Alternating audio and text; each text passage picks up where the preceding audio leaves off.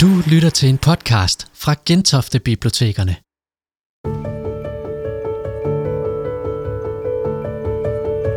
Torsdag den 19. august 2021 besøgte historiker, forfatter og journalist Åsa Linderborg Gentofte Hovedbibliotek. Her gav hun en vedrørende og personlig skildring af MeToo og mediernes magt med udgangspunkt i sin egen dagbog, året med 13 måneder. Velkommen til. Allerførst kunne jeg jo godt tænke mig at spørge, når du har skrevet den her året med de 13 måneder, hvorfor gjorde du det? Mm. Jag är en journalister i världen som har blivit anklagad för ett självmord. Att eh, jag skrev en text som gjorde att en man tog livet av sig. Det är inte många journalister som har den erfarenheten som jag har. Och jag kände att jag måste få berätta eh, min eh, historia kring det här. Sen ville jag också skriva om eh, metoo-året i Sverige som var väldigt omtumlande, väldigt dramatiskt. Och eh, samtidigt som jag blir anklagad för självmordet så lämnar min man mig, som jag har levt med i många år. Eh, så att det är väldigt dramatiskt även för mig privat. Och det här bygger då på min dagbok.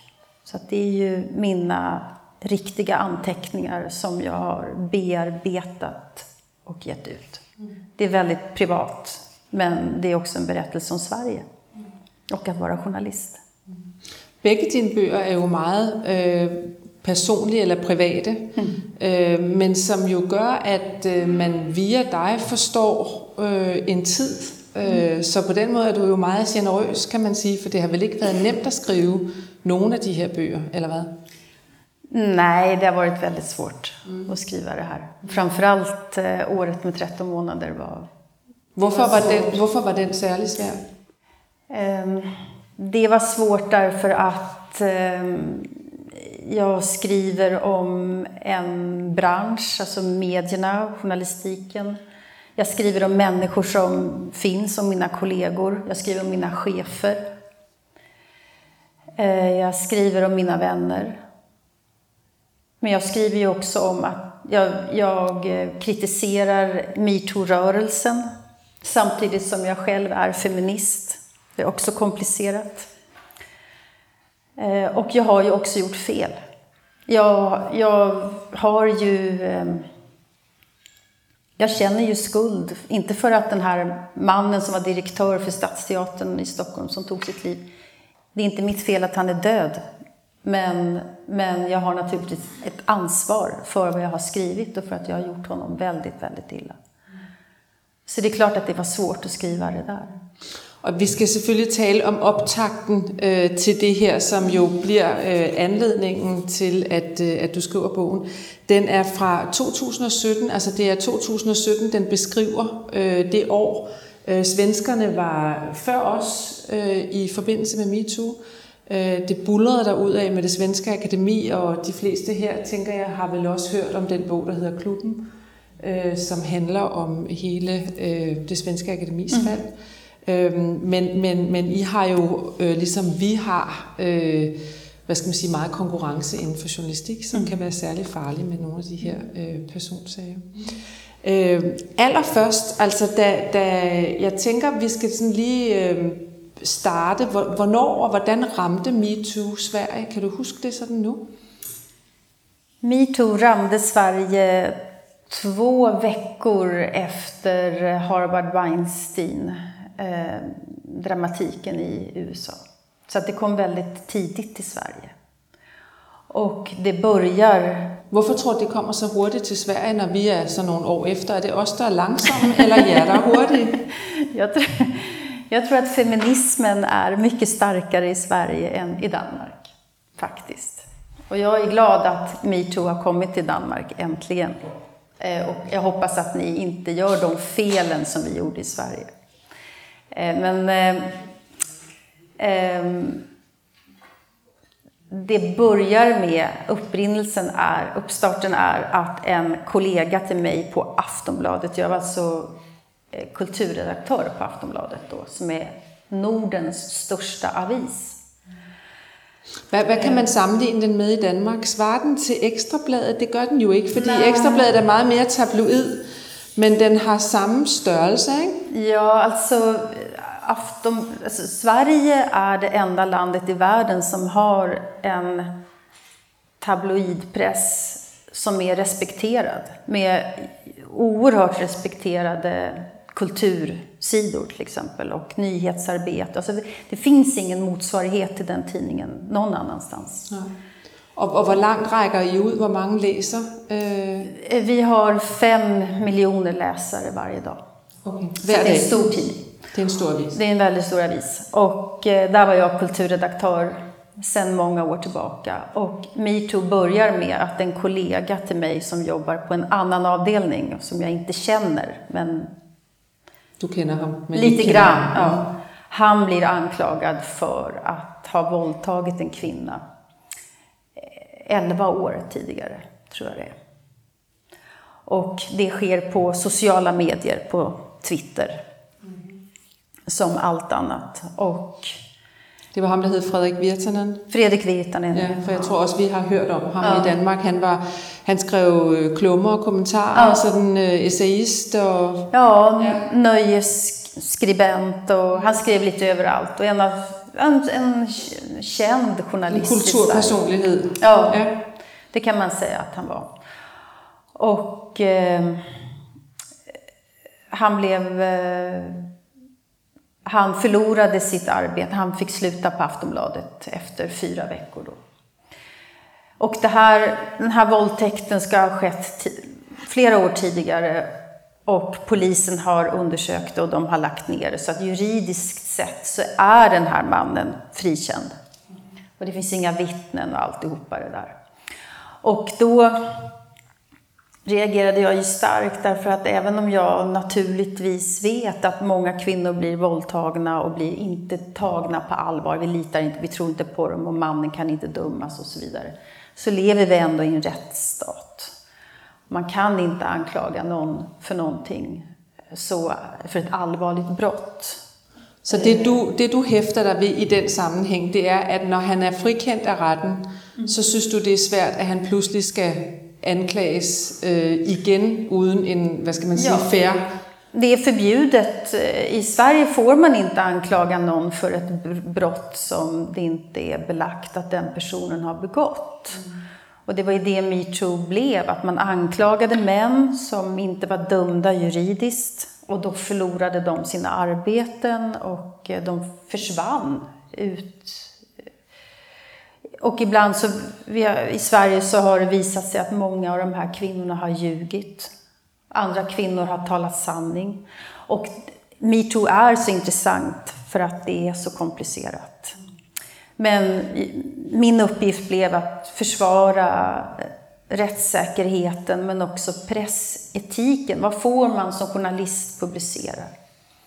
För det som händer är att de traditionella aviserna de följer efter sociala medier och gör stora vad heter det, spisesedlar? Vad heter mm -hmm. det? Spisesedlar? Ja. ja.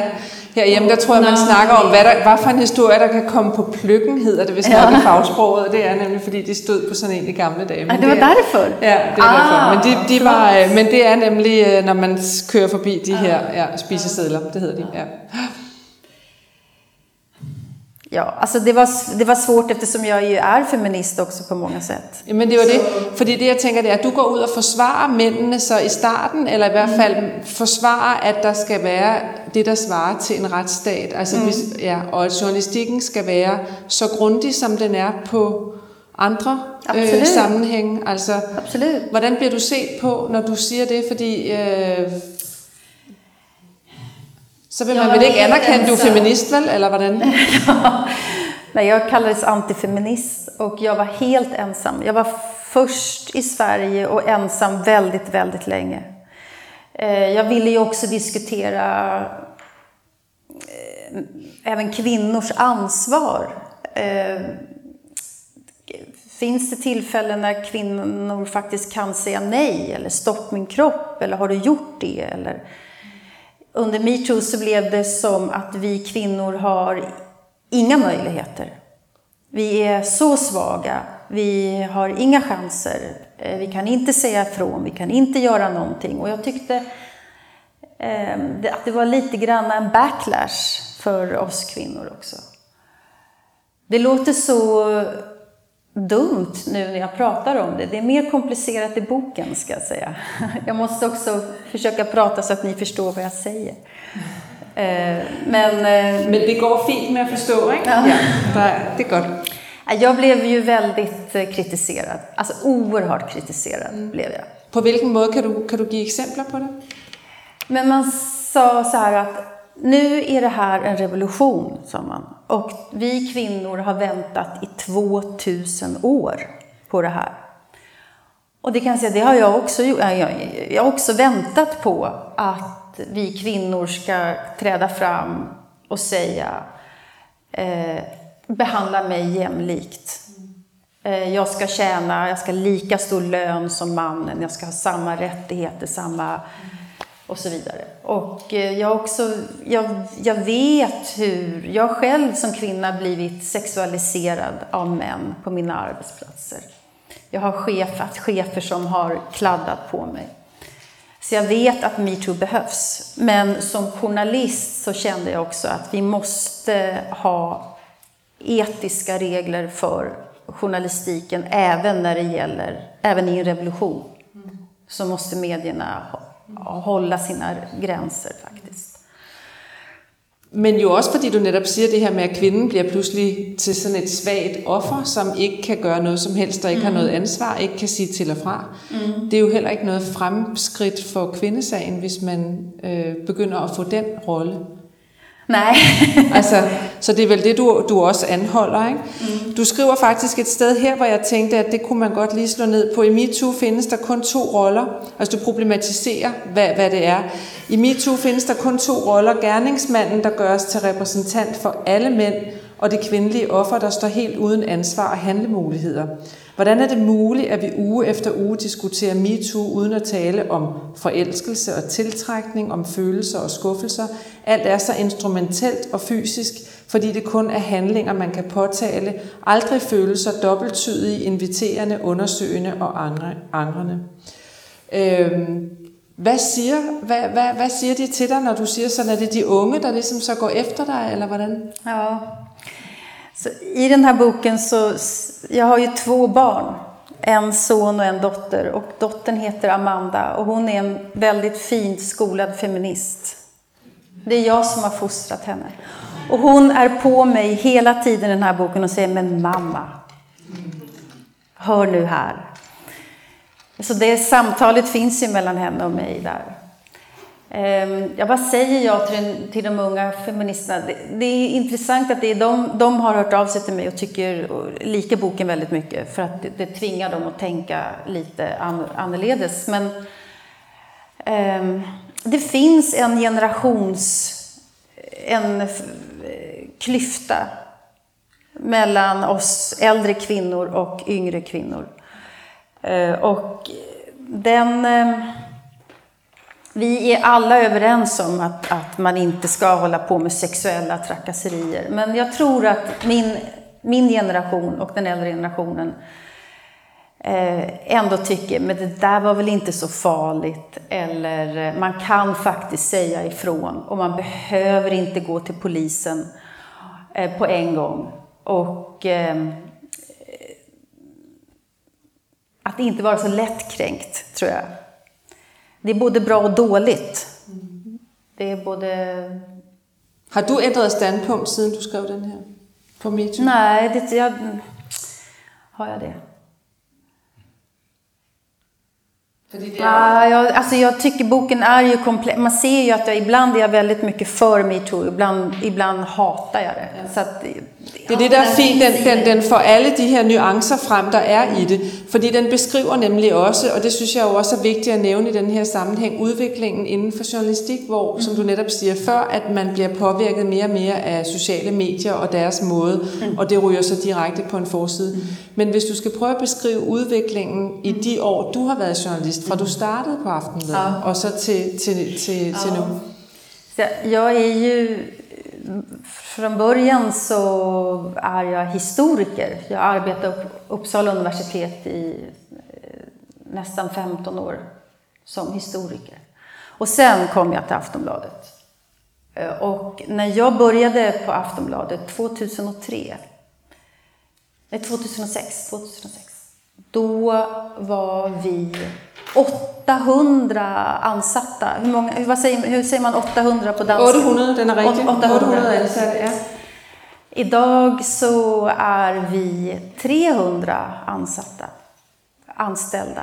Eh, Så der er 500 færre, Ja, och vi gör lika mycket journalistik idag som mere. då. Mer, vi gör mer. Alla är väldigt stressade.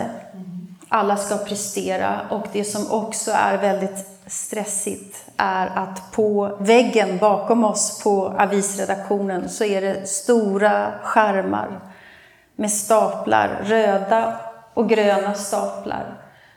Eh, klicksiffrorna, clickbaitsen.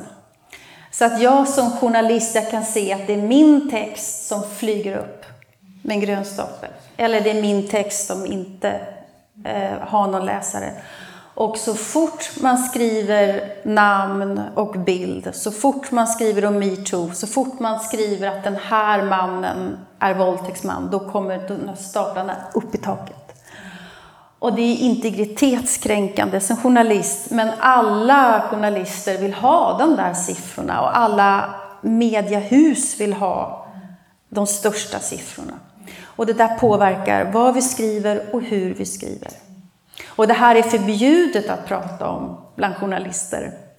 Men jag gör det, för det är, det är faktiskt så vi skapar våra... Altså alle har accepteret det uden at diskutere det, siger Ja. når man ikke taler om Ja. det. Fordi det der jo også er, er I ejet af et firma, som hedder Skibsted. Ja, just det. Aftonbladet ägs av en norsk eh, mediekoncern som heter Schibsted. Ja. Og, og, og, og så det vil sige, det er ikke et gammelt hus, gammelt bladhus i Sverige, som har, altså det, det er et spørgsmål om at tjene penge på en virksomhed, ikke? Ja. ja. Det är börsnoterat. Ja, børsnoteret virksomhed. Så, ja, ja. så man er underlagt, hvad skal man sige, et salgsprincip, som handler om at sælge mest muligt hurtigst muligt. Ja, absolut. Ja, ja. Og det påvirker jeg jo øh, i forhold til den måde, man udfører sin journalistik på. Verkligen. Men jag ska säga även journalister i public service eh, räknar klick. Så att det, det här finns precis överallt.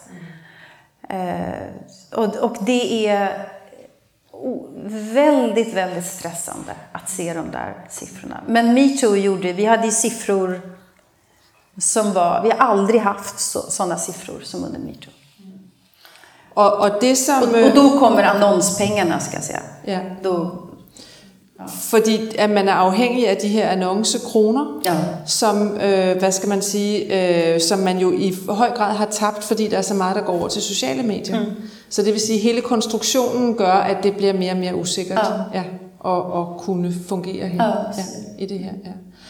Øhm, men hvis vi så skal komme ind på, så advarer du dine kolleger, du siger, det er vigtigt, at man øh, er nuanceret, at man begår sin journalistik, som man skal, og så får I en sag hos jer, som Ja. I følger, som er den her stadsteater. Kan du ikke prøve at beskrive udviklingen i, hvordan I håndterede den? Ja, ser ni att jag blir, min kropp blir så här nu för att då kommer frågan om självmordet.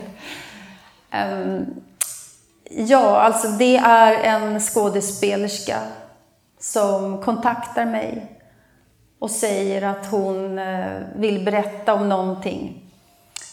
Eh, om, hon vill berätta om chefen, direktören för Stockholms stadsteater, Benny Fredriksson. Och då är min reaktion, varför kontaktar hon mig? Jag är ju den enda journalisten som har skrivit kritiskt om metoo. Varför, varför just jag? Eh, Men det är min plikt som journalist Jag måste ju Spørger du hende om, hvorfor hun har kontaktet dig? Jag tror att det är för att jag är en känd och stridbar person helt enkelt. Och eh, kanske för att, det här står inte i boken men jag berättar det för er, mannen som jag lever med, han som sen lämnar mig. Heter det förlater mig? Ja, ja. Men, men, men lämnar tror jag godt, vi förstår. Ja, ja. Han är regissör och skådespelare själv. Det kan ha spelat in. Eh, när, jag måste ju träffa henne. Jag, måste, jag kan inte bara säga du, ring någon annan så funkar inte journalistik utan jag träffar den här kvinnan. Och jag vet ju också att det är enorma problem på Stadsteatern. Jag visste det. Och sen så pratar jag henne och hon berättar saker och hon ger mig fem källor till, fem, både kvinnor och män som jag pratade med. Och jag inser att här finns ett case. Eh, det här, och jag visste också att Svenska Dagbladet, en konkurrent, de var också ute efter det här. Och jag tänkte på våra klicksiffror. Det gällde om att du fick fingrar i historien. Och så träffar jag henne och sen, så, ja, och sen så inser jag att jag är inte en eh, grävande journalist, jag är, jag är kulturredaktör. Utan då lämnade jag det där till nyhetsredaktionen. Och så gör de... Så du tar ut och snackar med henne och får alla de här andra ja. kilder och så går, ger du det vidare till nyhetsavdelningen och säger att det är inte mig som kan Exakt. undersöka det här. Och sen gör jag ingenting mer. Och sen så um, publicerar Aftonbladet en stor granskning med 30 anonyma källor. Bara en enda med namn. Vilket ju är ett problem naturligtvis i själv, men det var ovanligt många källor. Och det andra problemet var att Benny Fredriksson ville inte säga någonting själv, utan han sa... Det var han, det var direktör? Direktören ville inte säga någonting själv, utan direktören säger prata med mina chefer. Och hans chefer ville inte heller säga någonting. Ehm, det är ett enormt svek från deras sida att inte säga någonting. Men vi väntade många timmar och sen publicerade vi ändå. Vi fick beröm och applåder för vår granskning. Andra journalister sa det här var det bästa reportaget under hela metoo-journalistiken. Ni har inte gjort några fel, bla bla. Jag skrev en text som var väldigt hård. Jag skrev eh, att, han, att Benny Fredriksson, direktören, har bedrivit ett skräckregemente, skrev jag. Det är väldigt hårt. Men det, havde du, det var der väl killar som hade sagt? Ja, ja. Alltså det var jo, inte du fann på? Ja, men ja, jag är hård i den där texten. Jag är, jag är out of character skulle jag säga. Jag brukar inte skriva så hårt, men jag gjorde det. Och eh, jag fick applåder för den texten också. Och den citerades och det var så bra, allting var så bra. Direktören avgår efter dag två. Alltså han håller, träcker sig tillbaka? Han drar sig tillbaka. Han, ja. han lämnar Stadsteatern och tre månader senare, två dagar innan min man har, har lämnat mig, så får jag en nyhetsflash har ni det ordet på danska? Ja, ett, ett, øh, ja det är en flash kallar vi det också när ja. vi får så hurtigt. Jag, skulle precis, jag hade precis lagt mig i min ensamma säng. Så kommer en flash att Benny Fredriksson är död. Och där ändras ju mitt liv också. Och då, då blir Aftonbladet djupt kritiserade. När han är död så blir vi Så hela vägen hen till, där får ju ros för det arbete I har lavet. Ja, inga problem. Ingen, inga problem. Och blir citeret, ja. och det är, och efterföljande så blir I hängt ut. Ja, så blir vi eh, svårt kritiserade och eh, men... Jag blir faktiskt inte så kritiserad först, men vad jag gör, det är ju det också att det var inte min granskning och jag var bara kulturredaktör, jag var inte chefredaktör för den här tidningen. Men jag går ändå ut och säger vi måste prata om metoo-journalistiken. Så att jag tar på sätt och vis på mig själv ansvaret för att han är död. Till viss del gör jag det.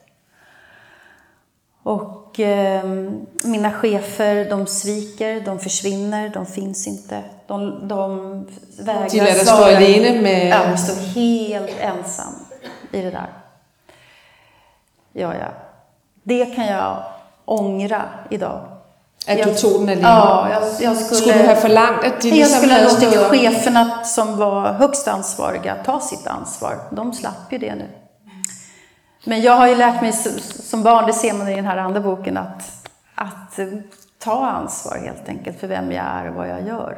Så det var ju det där lilla barnet som klev fram och gjorde det då. Men, men, men, men jeg kan ikke lade være med at... Altså, fordi du føler dig meget ansvarlig for, at han begår selvmordet. Ja, det er. Og det man kan sige er, at det I har gjort er jo rigtigt nok. Mm. Altså, det, er jo, det kan jo godt være, at I har øh, skubbet til noget, mm. øh, men, men, men du har jo ikke hængt ham ud. I har jo stadigvæk også ventet på den undersøgelse, grænsning, Jo. der skulle komme af sagen.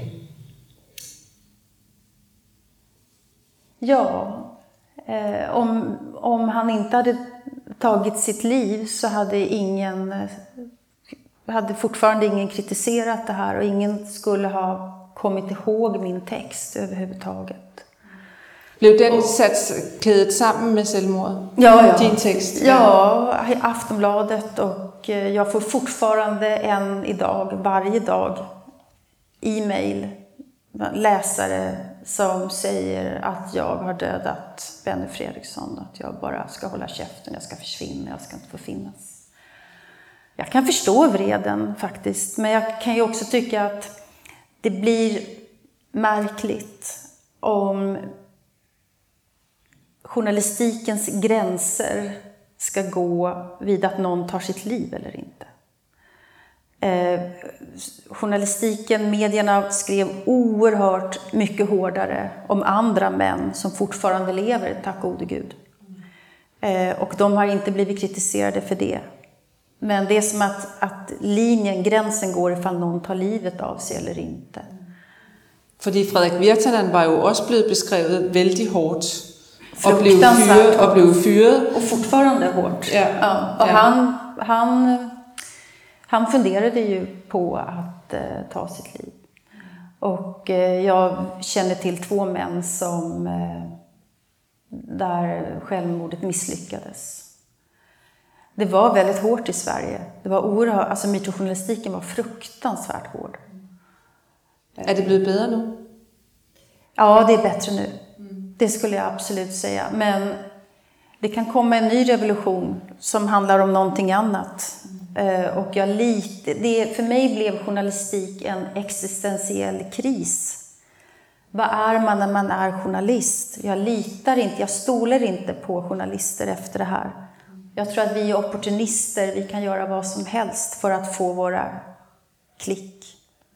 Eller likes. Men du er jo meget ærlig. Klappar och beröm. Och, Altså hele den her er utrolig ærlig, fordi den er jo baseret på din egen dagbog, så den Ja, både ja. beskriver forløbet på dit arbejde, men den be- bes- beskriver også forløbet, hvor din samlever, eller P, som han hedder i Ja. bogen her, øh, hvordan jeres forhold øh, vakler, og, Ja. og hvordan han til sidst forlader dig.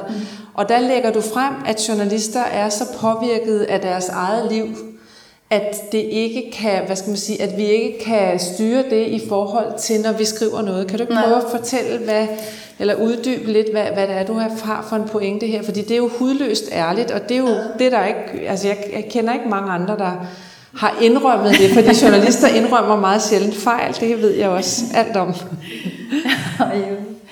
Ja. Nej, men journalistik, det är ju inte vetenskap och journalister är inte robotar utan vi är människor. Och eh, väldigt många kvinnliga journalister under metoo, de ville ju ta hämnd helt enkelt. De har, de har blivit illa behandlade och de visade det i sin journalistik också. De tog ställning så att journalister blev aktivister. Många män eh, skämdes och visste vad de hade gjort. Eh, så att de tillät vilka publiceringar som helst för att de hade dåligt samvete. Eller de ville visa att de var progressiva, moderna. Eh, I mitt fall så ser man i den här boken att jag tittar på de här unga feministerna. De är så smuckiga och söta och fina och flotta. Och de tycker det är så besvärligt när män tittar på dem och tar på dem. Och jag känner, oh my god, njut av det. Nyd det så länge det var. För jag är så gammal. Jag är så trött. Jag är så förbrukad och ful. Det var ju så jag kände. När Du følte dig meget gammel. Väldigt gammal. Jag är fortfarande, jag känner mig äldre. Men jag blev mycket äldre efter det som har hänt. Men samtidigt som min, min man som var 18 år äldre än jag var. Ja, det, han är en kliché. Han träffade en ännu yngre kvinna. Och så ser jag de här unga kvinnorna som tycker att det är så jobbigt att de är så snygga. Och så känner jag, men vad fan. Så, ja, så det ser man i den här boken. Men, men, men det som jo, jeg tænker, vi lige skal understrege, det er, at der hvor der er nogen, der er blevet krænket, der er du vel ret enig i, at de ikke skal krænkes. De kvinder, som er blevet misbrugt. Ja. Det mener du vel ikke, de skal blive? Altså, du, Självklart inte. Nej, det är det. Absolut inte. Men om vi säger så här då. Dagens Nyheter i, i, i Sverige då, den fina, fina tidningen. En sån här stor artikel av en ung kvinna som, som skrev att det var så hemskt. Eh, när hon gick på gatan så tittade män på henne och vände sig om. Det är ju fantastiskt att vara så fin, så att, så att andra tycker att man är fin. Och så står hon på bilden med ett tunt linne, alltså, sen bara bh-banden och så. Du ber ju om det, tänker jag. Lite sexistisk från min sida, men också, well, alltså kanske har jag en poäng här. Och är det det här metoo handlar om? Då vill inte jag vara med. För metoo måste handla om strukturellt förtryck, alltså maktutövning. Det, det, då har vi problem. Men det är svårt att göra journalistik kring strukturer. Det är mycket lättare att göra journalistik kring enskilda namn och ansikten. Så det var det, du havde slået til lyd for. Altså det var det, du havde kæmpet for, og så bliver du så selv ramt af, af den her historie. Hvordan, øh, hvordan påvirker det dig efterfølgende? Hvad er din reaktion på det? Hvordan, hvad sker der i den tid efter? Fordi kan du godt stadigvæk være journalist? Nej, det, det är... Ja, det är, en väldigt, det är en väldigt bra fråga. Jag... eh, Jag har blivit rädd för journalister. Jag är bang för journalister. Jag är bang för våran makt, våran kraft och vad vi kan göra med andra människor. Och det tror jag att man märker, man ser det när jag skriver nu. Jag jobbar fortfarande kvar på Aftonbladet. Man ser att jag sällan skriver ett namn i en text, till exempel. För att jag, jag vågar inte skriva namn, för jag vet att jag gör någon ledsen. Eh, jag, jag, jag vet hur... Eh, jag har sett på nära håll hur journalister arbetar och att man kan inte alltid lita på journalisters arbete, å ena sidan. Å andra sidan, jag är otroligt stolt över eh, mina kollegor på Aftonbladet. Alla journalister jag känner är fantastiska. Samvetsgranna, duktiga, ärliga, hederliga. Så allt det där finns ju liksom i mig. Men när Donald Trump och högerpopulisterna attackerar eh, medierna så någon, någonstans kan jag förstå honom faktiskt. För att jag vet någonting. Og så fordi, kan man sige, den hastighed, som vi oplever nu, og det Ja. pres, vi oplever nu, øh, kan gøre, at dømmekraften øh, bliver dårligere, eller at man i højere grad går efter øh, manden og ikke bolden. Altså ikke den personlige historie, og ikke de strukturer, som i virkeligheden skal ændres. For man kan sige, hele MeToo-bølgen handlede jo også om Harvey Weinsteins øh, misbrug af sin magt. Øh, som jo er det, der rammer alle de her øh, fag. Ikke? Øh, og der kan man sige, at det er jo det, man skal gå efter, og ikke, og ikke det andet.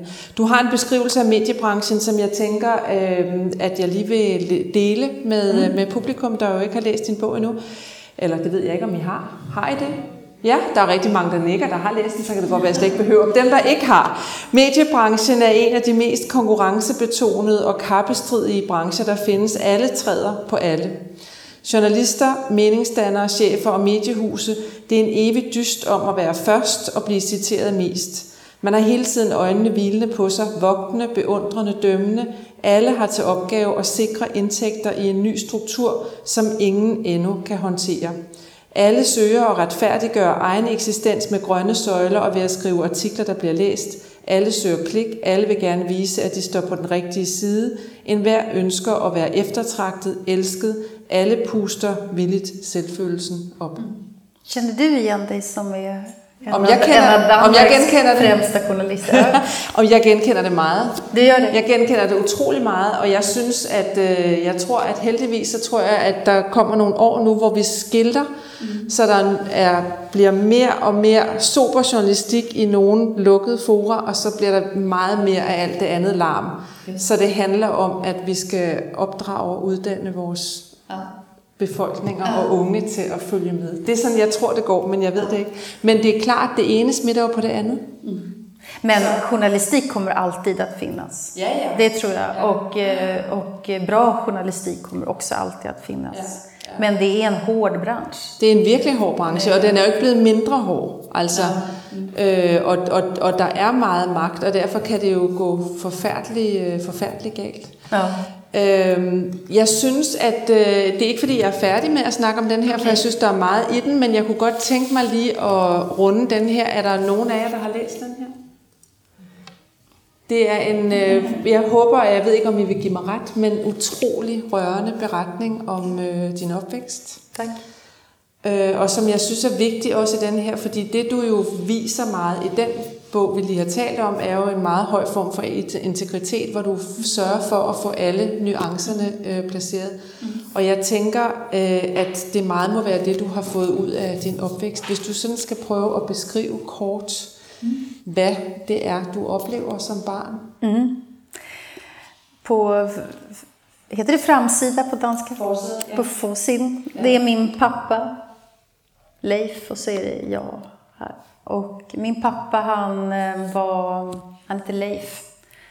Han var metallarbetare i en liten stad som heter Västerås. Eh, jag- kommer från, jag är arbetarbarn helt enkelt. Och eh, när jag var fyra år gammal så lämnar min mamma Tanja, hon lämnar pappa och mig. Jag minns det. Eh, Jag var där då, det var en söndag.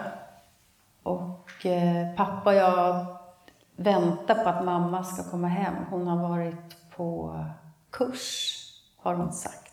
Og var på kursus, ja. Och vi tittar genom fönstret och väntar, kommer vinduet, kommer hon aldrig, kommer hon aldrig? Och så kommer hon hem och eh, hon tar inte av sig sin kappa, utan hon går in och hämtar en taske som hon börjar packa med kläder. Och då tar min pappa upp mig och kastar ner mig i soffan och så säger han, sitt still och var tyst. För mamma har blivit vansinnig. Min mamma hade träffat en annan man. Lasse, som hon fortfarande lever med, som är min andra pappa. Men jag blev kvar där med, med Leif då, som gick ner sig i ett väldigt svårt alkoholmissbruk. Vi blev varandras öde, kan man Altså säga. han gik ned i et, øh, ja, Han blev Han djupt alkoholiserad ja. och dog när han var 60 år gammal. Ehm, Där hade han varit arbetslös i 10 år. För att han tillhör globaliseringens första offer kan man säga. Metallverken flyttade till Kina. Säger ni Kina eller Kina? Kina, siger vi, men ja, När han var 50, halv, vad säger ni då? Halv fem fjärs? Nej, 50, halv tres. 50. Globaliseringens första offer kan man kalla honom för. Men det här handlar om min uppväxt med en ensam, stående, alkoholiserad metallarbetare som jag älskade. Øh, og din mor, hvad er hendes øh, forklaring på, at du skal blive hos din far? Min mamma eh, är ju feminist, hon lever fortfarande, hon är feminist.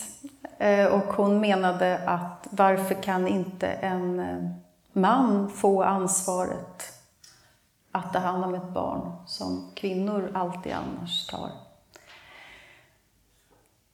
Hon tänkte också att jag skulle rädda livet på min pappa för att om hon... Hon kunne ikke nænde at tage dig fra Ja. Hon, hon kunne ikke nænde, alltså hon, øh, hon følte synd om ham. Hon tyckte synd om honom. Ja. Och tänkte att han kommer att eh, supa ihjäl sig om han blir ensam. Så att jag blev en slags handelsvara där. Det är inte så bra. Mm. sen är det så att i min släkt så har alla kvinnor träffat en ny man och lämnat döttrarna hos fäderna. Så det var bara, jag var fjärde generationen som... Men vad, har du gjort detsamma så? För du har ju också Jag har en dotter som heter Amanda, hon är psykolog. Och det är måske en grund När jag skilde mig från hennes pappa, då var hon fyra år. Och, eh, och då såg jag det här mönstret. Jag såg att, att eh, om jag skulle ha gjort som mamma och mormor och mormors mor, bästmor, då skulle jag bara gått. Jag tänkte, nej, vi löser det här på ett annat sätt nu. Men eh, ja, jag, jag funderade faktiskt lite på, sen jag skilde, jag har skilt mig två gånger. Min sons pappa, då tänkte jag så här, men han kan nog bli hos sin pappa, tänkte jag. Man är förälskad och liksom tänker att... Eh, nu ska man vidare. Ja, nu ska man vidare. Jag, men uppväxten här, när du mm. beskriver den, den är ju fylld med kärlek. Ja. Den är fylld med øh, praktiska problem och mm. någon, vad ska man säga, jag tänker, hvis i Danmark har vi lige fået en ny lov, der hedder Barnets Lov. Mm-hmm. Øh, og vi har en regering, som øh, siger, at vi skal tvangsfjerne øh, flere børn, end vi gør. Øhm, tror du, at øh, hvis socialarbejderne havde set på, hvordan du lå i sengen sammen med din far, der havde beskidtet til, at du havde fået lov til at blive liggende der? Nej, det, det är jag inte säker på. På, men på 70-talet, när, jag är född 1968. Mm. Så i 70-arna? Mm, just det. Mm. På 70-talet så var man mer tillåtande. Och man tyckte också att det var fantastiskt att en man tog hand om ett barn. Så när min pappa kom till barnhagen och skulle hämta mig och luktade alkohol så sa inte personalen någonting. Men om en kvinna, en mamma hade kommit och hämtat sitt barn och luktat alkohol, då hade man ringt sociala myndigheterna direkt. Um, nej, jag tror, idag så kanske sociala myndigheterna hade gjort någonting annat. Men alltså, min pappa, vi tvättade oss aldrig. Vi, hade, vi hade ingen tandborste. Första gången. Tandborste. Nej, tandborste, nej. Eh, vi hade inga, inget sängetöj, vad heter lakan? Ja, Nej, vi hade ingenting sånt. Men han städade alltid. Det var så fint och rent hemma hos oss. Så på den här, i den här sängen utan sängetöj så hade han ett fint eh, täppe mm. över. Sängetäppe. Sängetäppe. Mm. Så att den som kom hem till oss såg ju ingenting. Det var ju, var ju topptrim. Han var väldigt väldigt noga, min pappa, med att även om han var man och metallarbetare så skulle det vara som att en, en kärring, alltså en dam bodde där. Han skulle göra så ja, Han kunde gott lide att vinduerna såg ut som om sikke en duktig kvinna ja. liksom har ordnat Precis. och gjort att det är så fint Precis. i den lägenheten. Ja. Men vi hade inga...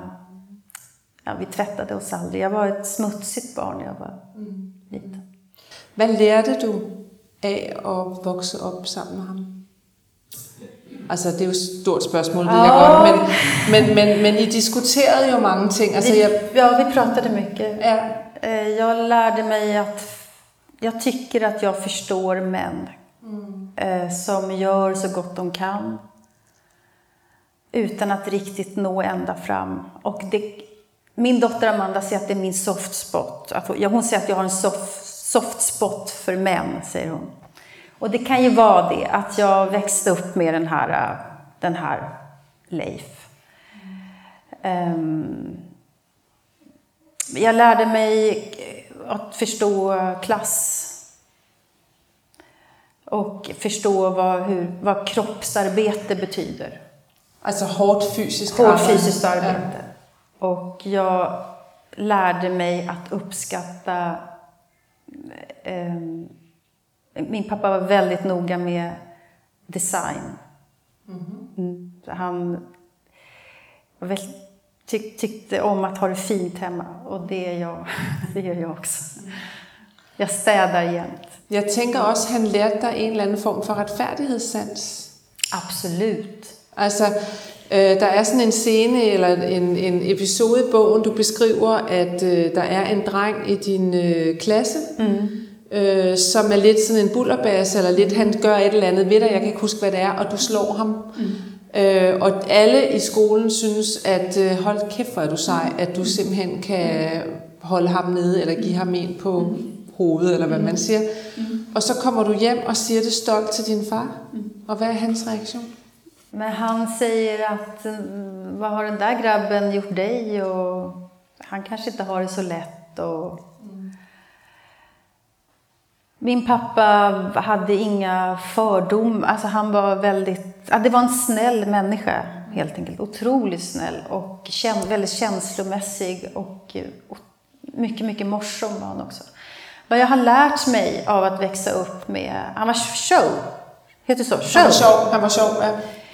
Vad jag har lärt mig också av åren med Leif, det är ju att eh, en, en förälders kärlek eh, andra ut, människor utifrån kan inte riktigt se den alltid. För att även en förälder som inte tvättar sig kan vara en fantastiskt kärleksfull förälder.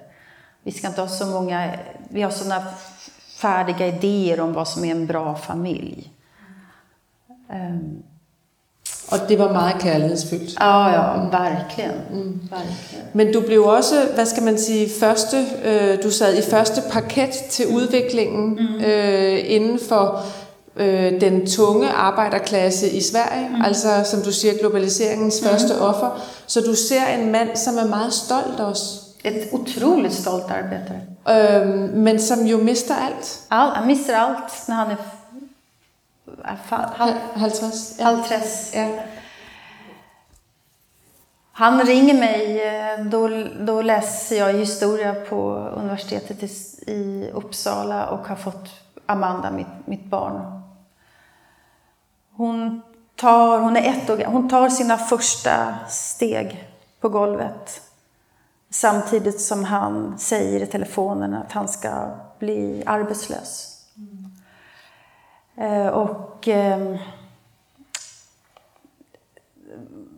vad, det är en sak vad man lär sig av en uppväxt, det är någonting annat vem man blir på, på ett djupare plan. Så vad jag har i mig är ju en slags grundsorg, eh, kan man säga. Grundsorg? Grund, alltså sorg mm. som sitter väldigt djupt. Och det är ju på grund av min pappa, det, hans öde. Mm. Han blev ju aldrig lycklig sen mamma han savnede en kvinde og havde ja, nogle forskellige forhold, hvor han bad dig om at holde øje med, om der var lys ja. hos dem, så de kunne ja. komma upp. Ja. Ja. Och, ehm, och den sorgen, och också min egen, att jag är bang för att bli lämnad. Mm. Eh, förlåt en gång till som min mamma. Så, av pappa så fick jag klassmedvetandet. Mm. Men av mamma så fick jag aktivismen. Hon var ju organiserad kommunist sen og han savnede hendes familie også, fordi de havde hele den her kulturradikale ja, øh, ja, tilgang til verden, ja, ikke? Ja, som han synes var sjov. Ja, ja. visst. Ja, så han mistade meget. Ja, det gjorde han. Och, och eh, på, på min mammas sida så har alla varit aktiva politiskt väldigt röda. Väldigt, väldigt röda. Så, så den kombinationen av födelsen för klassamhället och mammas agitation, det blev väldigt explosivt i mig. Som, som tonåring och sen som eh, journalist. Men du upplever ju också det här med att du sticker av från honom för att du intellektuellt når så långt. Alltså, mm. så du inte, han kan liksom inte kom, han kan inte vara en del av den nya världen riktigt. Nej, jag kommer hem och är klassresenär. Jag jag tjänar bra, jag bor flott och han har inga tänder kvar i munnen. Allting är borta för honom. Han har ingen identitet, han har ingen, ingen stolthet, han har ingenting, han har inget arbete, han har inget. Han har absolut inget. Och så kommer jag... Men han bebrejder jo ikke nogen. Han... Han bebrejder ikke nogen. Han, han blamer ikke andre. Han skælder Nej, ikke nej, nej. nej. Han, han, nej, han, han, eh, min pappa var väldigt självkritisk. Alltså han, han grubblade mycket över sig själv. Och det, det har jag ju fått av honom också. Att eh, försöka ta ansvar för vem man är. Men det är ju det, jag tänker, du tar ansvar, øh, mm. och du får också, øh, sådan som jag uppfattar det, så må du korrigera mig, om det är fel. en mycket stark integritet øh, ud af det her. Øh, som jeg tænker er det, du fører med over i din håndtering Ja, af. MeToo, men jeg ved ikke, om det er min tolkning. Ja, jag blir glad när du säger det. Tack. Ja. Tack.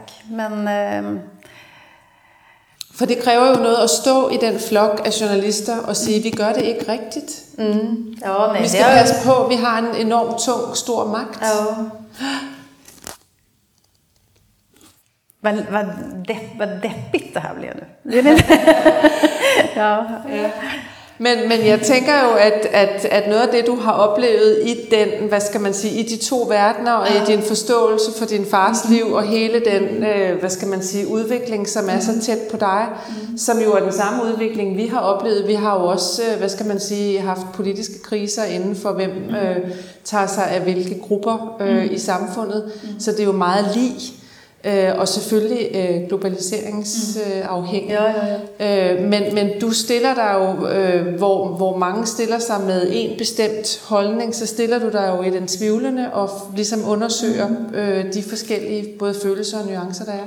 Det synes jeg går igennem i begge, mm. begge bøgerne. Men det, skulle, det är nog en, en utveckling med åldern tror jag. Att om man är, är i våran ålder så är man inte lika säker längre på saker. Eh, som ung, då, då var jag väldigt fyrkantig i rätt och fel och jag tyckte att jag visste hur saker och ting låg till. På det där sättet som jag kan se hos unga metoo-aktivister också. Det är väldigt tydligt så här, dogmatiskt. I våran ålder så vet man ju att allting är lite mer komplicerat. Eller, men man måste ju ändå naturligtvis ta ställning, ha åsikter och sådär. Men Og hvordan oplever du at have den alder nu, og så skulle ud og sige, hvad du mener? Er det blevet nemmere eller sværere? ja, det är nog lite lättare tror jag. Framförallt är det lite lättare för mig att prata om eh, självmordet och direktören och, och det där. För eh, jag, det hade varit väldigt enkelt för mig att inte skriva den boken. det er det. Eh, Men istället så gör jag tvärtom och gör att mitt namn alltid kommer att hänga ihop med direktörens namn. Eh, Och det var min sorgebearbetning och eh, mitt sätt att ta kontroll över, över mig själv helt enkelt. Att säga att det här har jag gjort. Men jag vill ändå prata om det och nu vill jag att alla andra ska prata om vad andra har ju också gjort saker. Har... Men det har, så har det inte blivit. Då. Nej, for jeg skulle sige, hvilke reaktioner fik du på den her fra kolleger og din branche? Og, Ja. øhm, ja. Nej, jag trodde ju att det skulle bli en stor diskussion i Sverige, att nu skulle vi äntligen prata om metoo-journalistik. Men det blev inte så, utan det blev knäpptyst istället. Det er der helt stille. Ja, i stort sett eh, ingenting.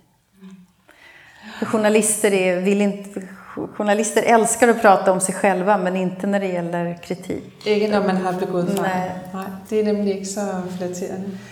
Jeg kan se på uret deroppe, at vi jo har øh, både vidt omkring og en hel time igennem. Åsa øh, Lindeborg, tusind, tusind tak for din ærlighed og mod.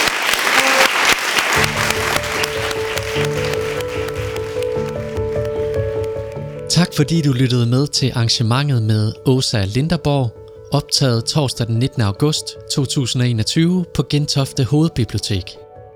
Husk at du finder mange flere podcast på vores hjemmeside. Vi lyttes ved.